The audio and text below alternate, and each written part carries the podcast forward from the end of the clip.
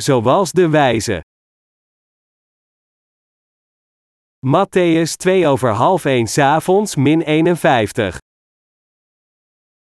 En leert van den vijgenboom deze gelijkenis, wanneer zijn tak nu teder wordt, en de bladeren uitspruiten, zo weet gij, dat de zomer nabij is.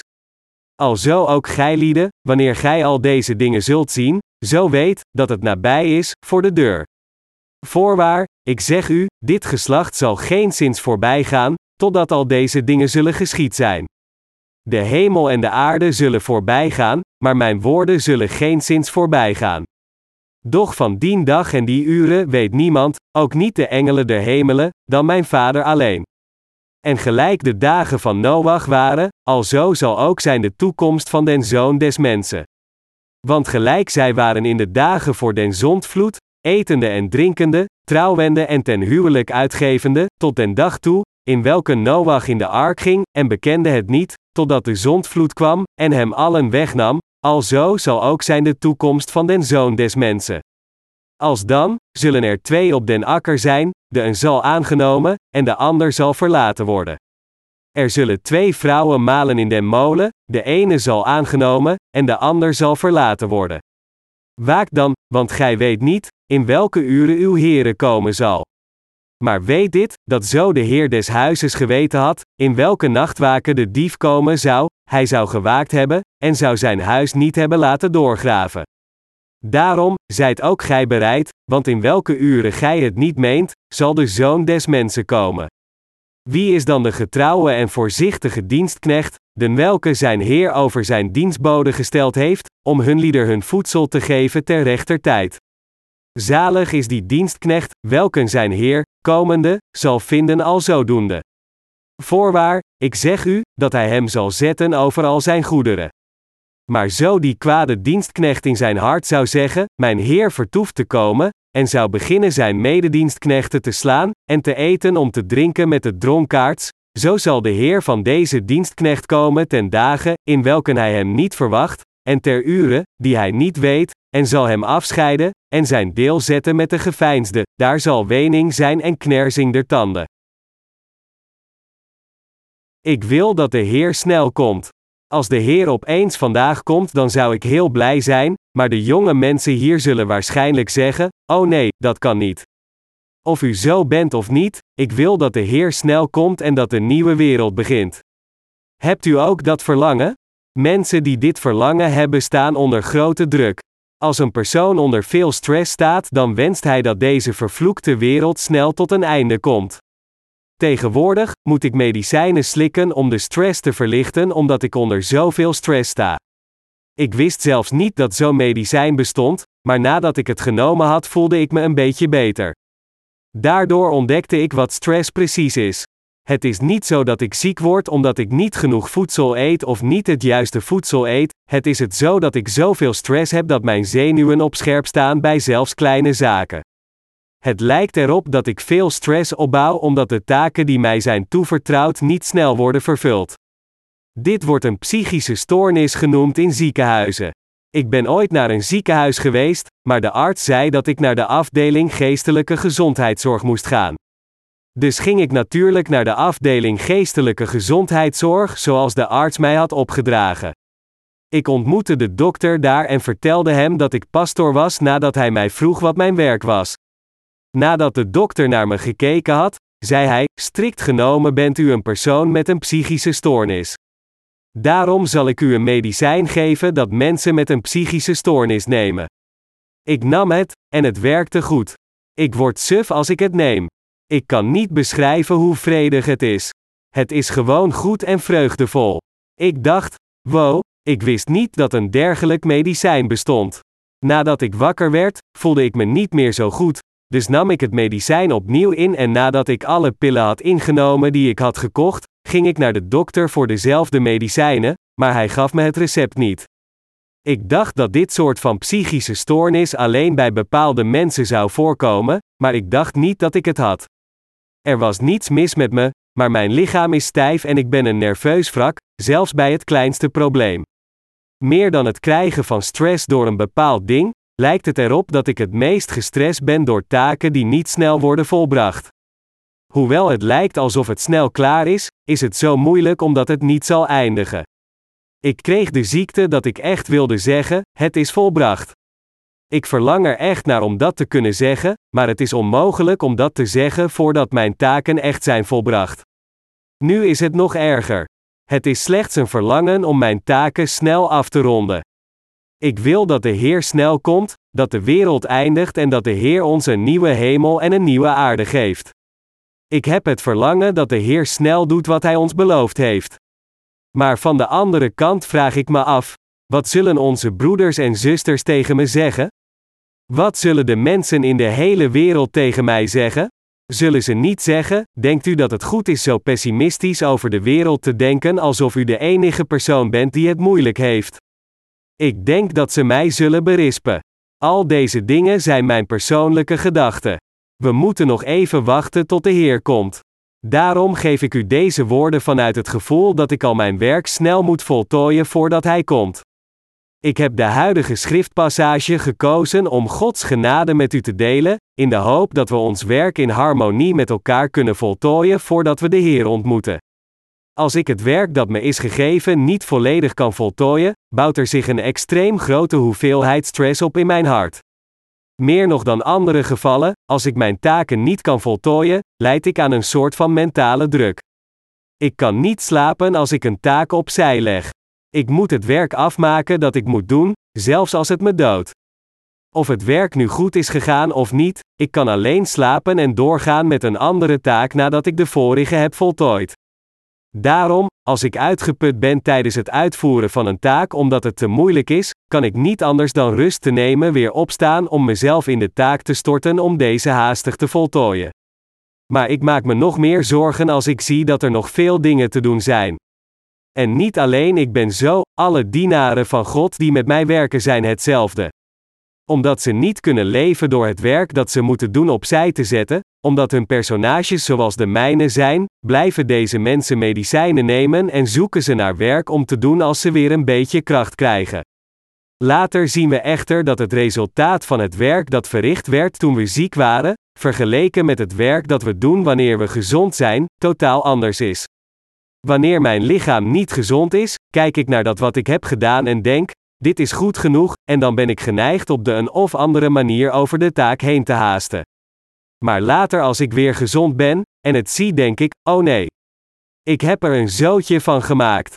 Hoe kan deze taak zo worden achtergelaten? Ik kan dit niet goedkeuren. We willen een beetje rusten na het volbrengen van elke taak, maar doen we geen moeilijk werk. Zelfs als een missionaris naar een land gaat om het evangelie te verspreiden en zijn hele leven hieraan besteedt, kan hij dit toch niet goed doen omdat wij het evangelie aan de hele wereld verspreiden, lijkt het erop dat we de grenzen van ons lichaam overschrijden om het uit te voeren. Een paar dagen geleden werd ik gebeld door Pastor Jung, die verantwoordelijk is voor het afdrukken van onze boeken. Hij zei: Pastor, de binding van ons boek is goed, maar een van onze afbeeldingen kwam er achterstevoren uit. Als we dit ene dingetje veranderen, dan is het goed. Moet ik het naar u toebrengen? Ik zei: Waarom moet u het naar mij brengen? Blijf daar. U kunt daarvoor zorgen en het naar me toebrengen als het helemaal klaar is. Kom alstublieft niet naar mij. Omdat ik geïrriteerd antwoordde, zei pastor Jung, ja meneer, en legde de haak erop. Zo was ik vroeger niet. Ik richtte mezelf op een vriendelijke manier tot mijn collega's en zei: Oké, kom maar. Hier naartoe komen is beter dan niet te komen. Kom maar dan eten en praten we wat. Alles komt goed. Maar tegenwoordig doet mijn hoofd zo'n pijn dat ik zeg: doe uw eigen werk. Is het drukken van de boeken niet uw verantwoording? Doe uw eigen werk. Dat is uw taak. Mijn deel is het bewerken van de documenten. U hebt uw eigen werk.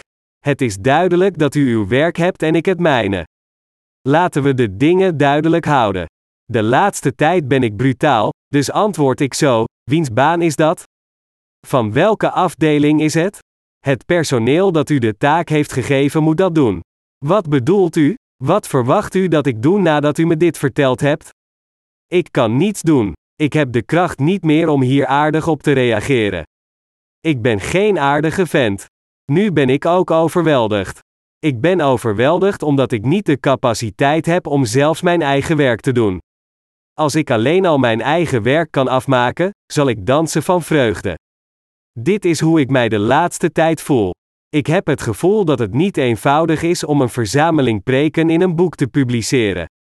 Ik werk terwijl ik denk: wanneer is dit werk klaar? Dit is vervelend. Ik ben het zat. Het zou fijn zijn als dit boek snel klaar was. Als ik moe ben, dan denk ik: dit is goed genoeg. Het is klaar. Dan, hoewel ik er de laatste hand aan heb gelegd, kijk ik het nog eens na als ik me weer beter voel en denk: nee, dit is niet goed. Wat heb ik hier gedaan? Dan begin ik opnieuw. Aangezien ik geen vaardigheden heb, verloopt mijn werk niet goed, zelfs al werk ik me dood, dus de laatste tijd voel ik me geïrriteerd en nerveus. Ik moet snel mijn werk afmaken voordat de Heer komt. Ik kan pas rusten als het klaar is. Als dit het werk is dat ik moet doen, dan moet ik het snel afmaken. Maar het is niet geworden zoals ik gehoopt had. De Heer heeft gezegd dat als de slechte dienaar zegt dat de terugkeer van de Heer vertraagd is, sterke drank drinkt, zijn mededienaren slaat en eet en drinkt met zijn dronken vrienden, de Heer van die dienaar op een moment zal komen waar hij niet aandacht en op een uur dat hij niet kent, hem serieus zal slaan, en hem een plaats bij de huigelaars zal geven, waar geween en tandengeknars zal zijn. Matthäus 12 voor 1 avonds min 51. Ik wil echt niet dat mij dat overkomt. Ook wil ik, in deze tijd dat de komst van de Heer dichterbij komt, getrouwer werker. Of het nu fysiek, mentaal, lichamelijk of geestelijk is, al mijn energie is uitgeput en het werkt niet zoals ik denk. Maar ik wil mijn werk goed blijven doen totdat de Heer komt. Ik wil het evangelie over heel de wereld verspreiden, ongeacht het land, totdat de Heer terugkeert. De deur naar Noord-Korea gaat ook open en ik wil het evangelie daar ook verspreiden. We zijn nu bezig met het maken van een Russisch boek. Het drukken van de pagina's is al klaar. Het enige dat nog moet gebeuren voordat het gepubliceerd kan worden is het maken van de kaft en de binding van het boek. We verwachten dat de boeken in het Roemeens en Hongaars ergens deze maand uitkomen. Dus wordt het evangelie ook in Europa verspreid. We doen nu missiewerk via de literaire dienst om voortdurend de basis te leggen voor het evangelie van het water en de geest. Ik hoop dat het publiceren tot op zekere hoogte snel zal zijn voltooid, zodat we weer een herlevingsbijeenkomst kunnen houden. Ik wil het evangelie naar hartelust verkondigen en ik heb een oprecht verlangen om te vechten als er mensen zijn die tegen het ware evangelie zijn. Het is al meer dan een jaar geleden dat wij een herlevingsbijeenkomst hebben gehouden. Als er mensen zijn die geen redding hebben ontvangen, zou ik willen roepen: jullie mensen. Gooi uw waardeloze geloof weg en ontvang de vergeving van zonde. Ik zou graag naar hem willen roepen.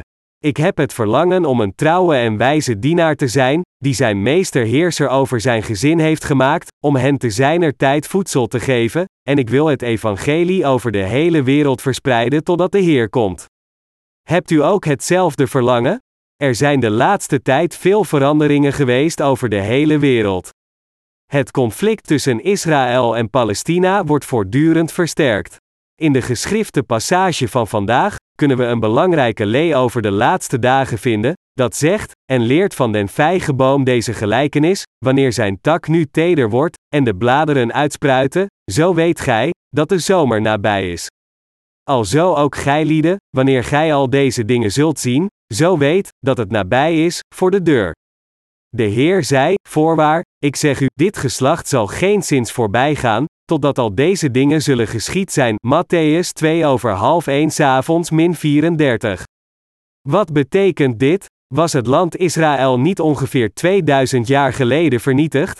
In 1948 werd het land Israël echter opnieuw gesticht door de Zionistische beweging. Dit gebeurde ongeveer 1900 jaar nadat Israël was vernietigd. Maar het probleem was dat de Palestijnen die daar hadden gewoond, op een dag plotseling van het land waar zij woonden moesten worden weggejaagd. Na bijna 2000 jaar dat land te hebben verlaten en over de hele wereld verspreid te hebben geleefd, kwamen ze op een dag daar plotseling bijeen, vormden een regering en riepen het uit als een onafhankelijke natie. Ze verdreven de Palestijnen en gedroegen zich alsof ze de ware eigenaars waren. Daarom is het voortdurend een geval van leven of dood en kunnen ze niet anders dan tegen elkaar te blijven vechten. Tot nu toe waren de oorlogen die in het Midden-Oosten zijn ontstaan, allemaal die oorlog. Ongeveer 2000 jaar geleden, toen de Heer op deze aarde was, zei hij: En leer van den vijgenboom deze gelijkenis: wanneer zijn tak nu teder wordt, en de bladeren uitspruiten, zo weet gij dat de zomer nabij is. Alzo ook gij lieden, wanneer gij al deze dingen zult zien, zo weet dat het nabij is voor de deur. U begrijpt allemaal wat dit betekent, niet waar? U moet weten dat het einde van de wereld nabij is wanneer Israël wordt hersteld en voorspoedig is. De Heer zal komen voor het einde van de wereld als Israël hersteld is en voordat het weer verwoest wordt.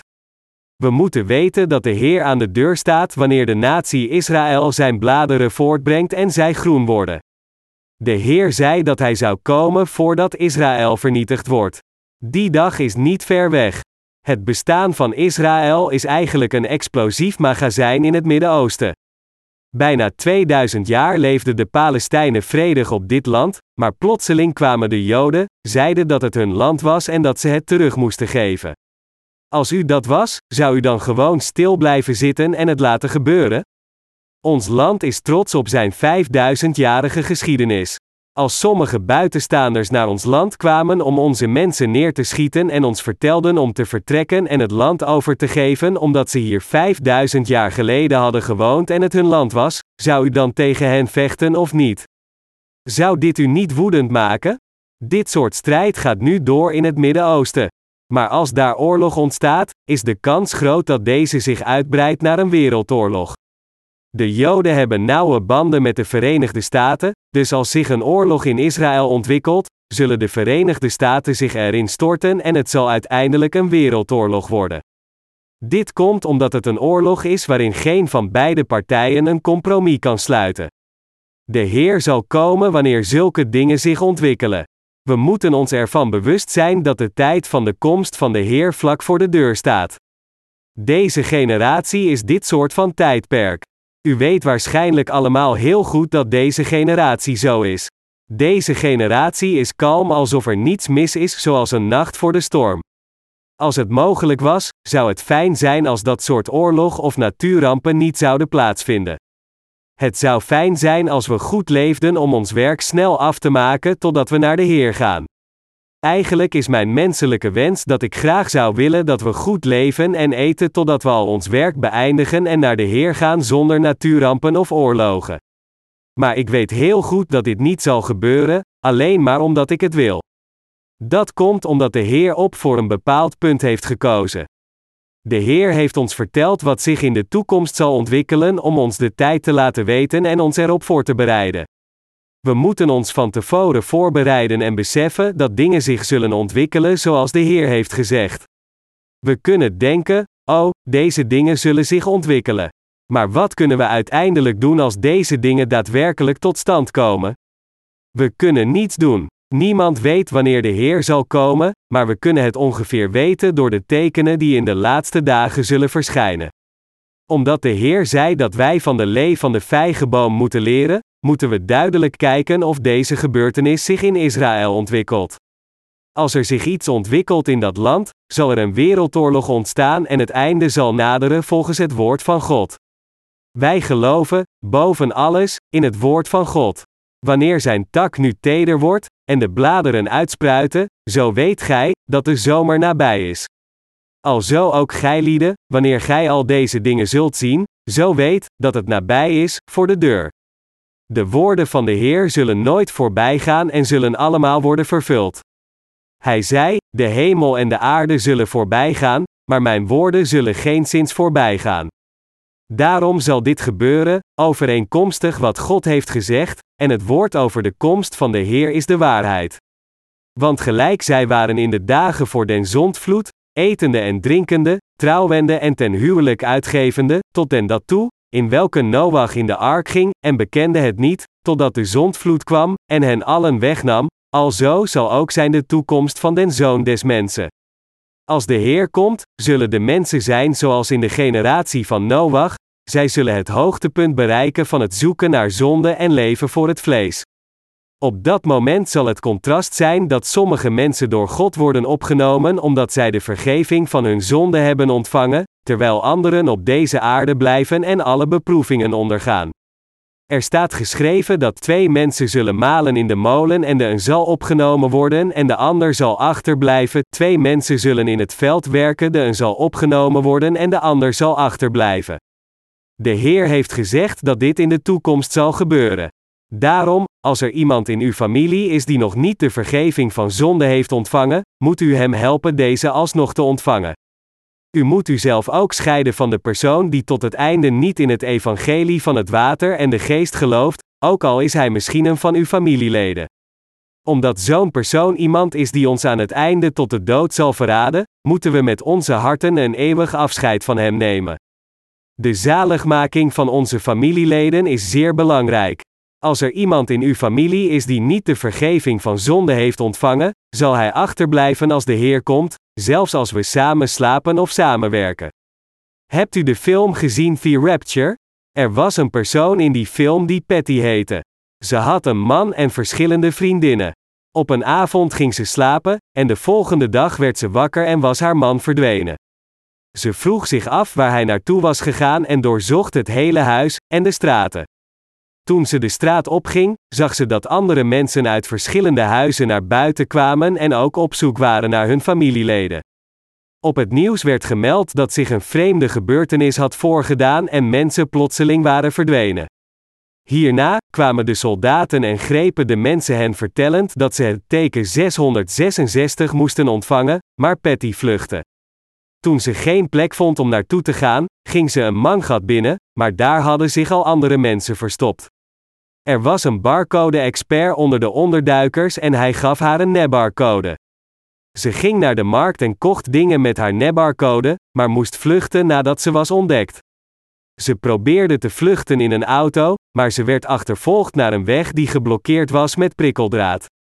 Ze kon met de auto niet verder, dus stapte ze uit en klom over het prikkeldraad.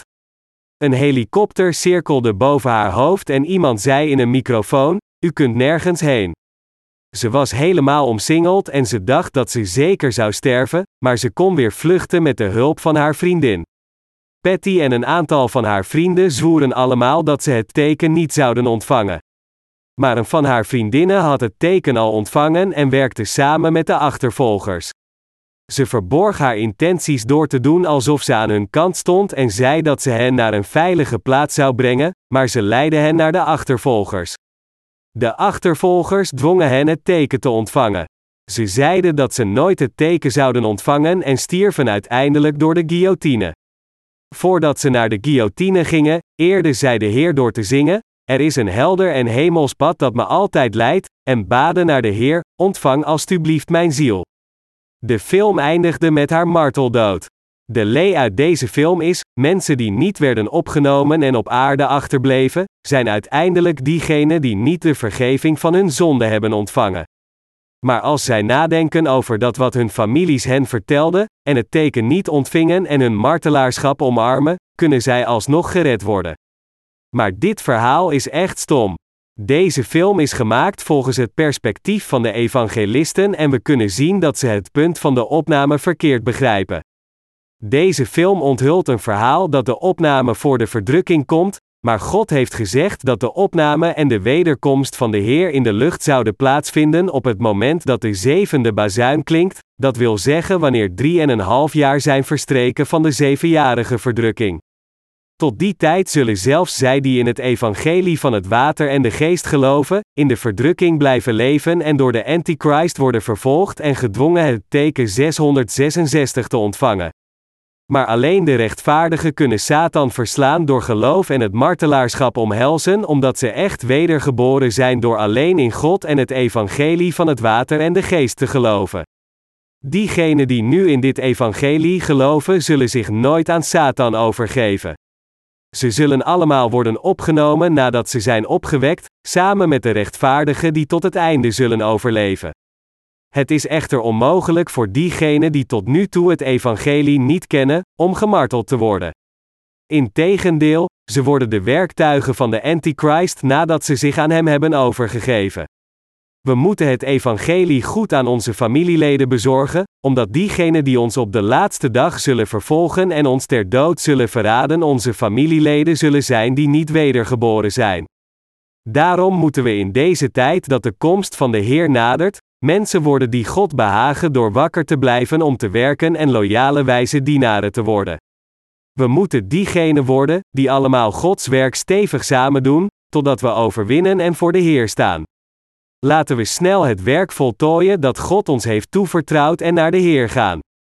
En wat ik echt bied, is dat we allemaal trouw het werk van de Heer doen.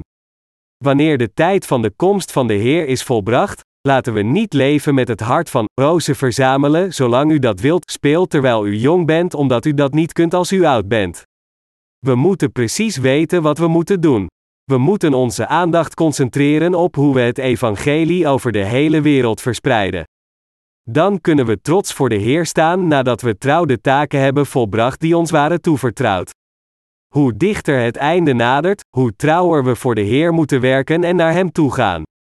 Dat is waar de geschrifte passage van vandaag over spreekt. We weten echt niet wanneer de Heer zal komen. De Heer zei dat Hij als een dief zal komen. De Heer zal niet ver van de tijd komen dat mensen alleen de geneugten van het vlees najagen door te eten, drinken, trouwen en ten huwelijk worden gegeven. Ik denk dat het nu tijd is. Daarom moeten u en ik die in deze generatie leven Gods werk nog getrouwer doen. Ik denk dat we moeten leven door het evangelie nauwkeurige en getrouw te verspreiden. Dat is wat ik geloof. Terwijl u en ik op deze aarde blijven leven, bouwt stress zich op en verzwakken onze lichamen, maar ik vind dat we veel werk moeten doen voordat onze lichamen ernstige ziektes oplopen. Ik weet dat u ook allemaal werk hebt dat u is toebedeeld. Ik weet heel goed dat werken voor het evangelie iets is dat niet alleen gedaan kan worden, maar dat wordt bereikt wanneer we met elkaar zijn verenigd en onze kracht op deze taak concentreren. Ik hoop dat ieder van u voor God als deugdzame en loyale mensen staan, na trouw het werk te hebben gedaan dat aan u werd toebedeeld. Begrijpt u dit? U en ik hebben de limiet van ons vermogen bereikt. Daarom kunnen we niets anders doen. Ik ben echter niet vergeten dat het doel van mijn leven is om al het werk te doen dat mij is toevertrouwd. Ik geloof dat God ons weer nieuw werk zal geven als we klaar zijn met het werk dat we nu doen. We hebben veel boeken voorbereid die we nu over de hele wereld zullen verspreiden. Ik wil de broeders, de zusters en de predikers vaker meenemen naar herlevingsbijeenkomsten, om dan onze boeken uit te delen en het evangelie te prediken. Ik geloof dat als we het werk van het evangelie met geloof doen, het werk van de geest dat zich in het vroege kerktijdperk heeft ontwikkeld, door ons tot stand zal worden gebracht. Laten we getrouw het werk doen dat ons dit moment gegeven is. Laten we allebei, u en ik, getrouw het werk van de Heer doen. Ik zal op alles letten totdat ik al het werk heb gedaan dat me is toevertrouwd. Als ik lui het werk doe dat de Heer me heeft toebedeeld, word ik echt een doorn en een laag wezen in zijn ogen. Als ik niet snel het werk doe dat me is gegeven, maar in plaats daarvan langzaam, dan zal de Heer zich niet op zijn gemak voelen bij mij. Zijn wij niet hetzelfde? Als we iemand met een taak toevertrouwen en die persoon slechts een luierik was en alleen maar deed alsof, zouden we ons dan goed of slecht voelen tegenover die persoon? Zullen deze woorden niet meteen over onze lippen komen? U hebt het werk op zo'n manier gedaan. U moet uw hart erin leggen, maar u deed het zo? Als God naar ons kijkt, zal het precies hetzelfde zijn. Als we werk krijgen toebedeeld, is het de moeite waard om het oprecht te doen. Het is goed, als ons geen werk is toevertrouwd, maar we moeten het werk getrouw doen als het ons is toevertrouwd. Ik vertel u dit niet omdat ik denk dat u niet getrouw uw werk hebt gedaan, ik geef het uit voorzorg aan u en mezelf. Ik weet dat ook u werkt met heel uw hart. Daarom weet ik dat het voor ons allemaal zwaar is. Ik moet ook het werk dat mij is toevertrouwd goed doen. Wat er ook gebeurt, ik moet al het werk dat aan mij is toebedeeld doen. Ik kan alleen iets aan de Heer vragen nadat ik al het werk heb voltooid dat me is toevertrouwd. Als ik om iets vraag, terwijl ik nog niet klaar ben met mijn werk, zal God zich ongemakkelijk bij me voelen. Als dat ons overkomt, zouden we echt gefrustreerd zijn. Stelt u zich voor hoe frustrerend het voor God moet zijn. Beste medegelovigen, laten we concreter werken terwijl het einde dichterbij komt. Ons doel is het om het evangelie aan de hele wereld te verspreiden. Wat is het werk dat u is toevertrouwd? Ik hoop dat u uw deel trouw doet. Ik moet ook trouw het werk doen dat mij is toevertrouwd. Het is jammer dat ik het evangelie niet naar hartelust kan dienen vanwege mijn gezondheidsprobleem. De laatste tijd kan ik nauwelijks met mijn hele kracht een preek prediken. Ik leef elke dag door nieuwe kracht van de Heer te verkrijgen. Laten u en ik beiden al ons werk trouw doen. U hebt allemaal werk gekregen, nietwaar? Laten we trouw dit werk doen. Sommige pastors moedigen hun kerkgangers aan om al hun eigendommen te verkopen en het geld aan hun kerken te geven terwijl ze benadrukken dat de komst van de Heer dichterbij is gekomen. Ze laten deze mensen ook stoppen met hun baan en vertellen de jongeren dat ze niet meer naar school moeten gaan. Maar wij zijn anders. Hoe dichter de komst van de Heer nadert, hoe meer we het werk van de Heer doen. Zelfs als de Heer morgen komt, zouden we tot vandaag werken om al ons werk af te maken. Ik hoop dat u getrouw de plicht vervult die u zijn toevertrouwd, want dit is echt de juiste houding. Is dat niet de enige manier om aan het eind eervol voor de Heer te staan? Ik zal heel blij zijn als ik alleen al het werk afwerk dat me is gegeven. Ik kan niet uitleggen hoe blij ik was en hoeveel gemoedsrust ik had toen ik klaar was met het proeflezen van de manuscripten. Ook al zou ik graag bij u willen zijn en plezier met u hebben, kan ik niet anders dan uit te kijken naar die korte tijd dat ik kan rusten. Laat ieder van ons het werk dat ons is gegeven goed doen, geen zorgen maken over andere dingen totdat we ermee klaar zijn, goed volhouden en goed leven door geloof. Het is moeilijk voor u en mij om voor het evangelie te werken, maar ik ben er zeker van dat er niet veel dagen meer zijn voor ons om Gods werk te doen. Ik weet niet precies hoe de wereld er in de toekomst uit zal zien, maar ik ben er zeker van dat we niet veel tijd hebben om Gods werk te doen. Daarom moeten we al ons werk in een korte tijd doen. Anders zal het te laat zijn en kan Gods werk niet worden volbracht. Is de dienaar van God geen profeet? De dienaar van God weet wat er in de toekomst gaat gebeuren. Omdat wat er in de toekomst zal gebeuren is vastgelegd in het woord van God, kan de persoon die gelooft erover profeteren door geloof. Het is niet zo dat we aan het eind in verwarring zullen rondrennen, integendeel, we zullen gemoedsrust hebben. Moeten we niet met alles van de wereld omgaan en al ons werk afmaken, omdat we weten dat de Heer spoedig zal komen. De persoon die zich van tevoren voorbereidt, is een persoon met gemoedsrust. In de toekomst, als we al ons werk hebben volbracht, dat wil zeggen, de wereldevangelisatie, zal ik een herlevingsbijeenkomst houden voor de mensen in ons land. Nu is het verspreiden van het evangelie over de hele wereld urgenter, dus stel ik er een prioriteit aan, maar als het klaar is, wil ik herlevingsbijeenkomsten houden in Korea en het evangelie van het water en de geest verspreiden. We hebben dit evangelie al heel lang onder onze mensen verspreid, maar ze accepteerden dit evangelie niet zo goed omdat het wettische christenen waren. Toch heb ik gedachten om dit opnieuw te doen. Als we het evangelie over de hele wereld verspreiden en dan het evangelie in Korea verspreiden door herlevingsbijeenkomsten, zal iedereen die wil geloven ook geloven. Ik hoop dat de Heer u en mij tot die dag zal behouden. En ik hoop dat hoe dichter het einde komt, hoe meer we ontwaken, echt wijze en loyale dienaren worden om al het werk dat ons is gegeven te beheren en trots voor de Heer staan. Halleluja!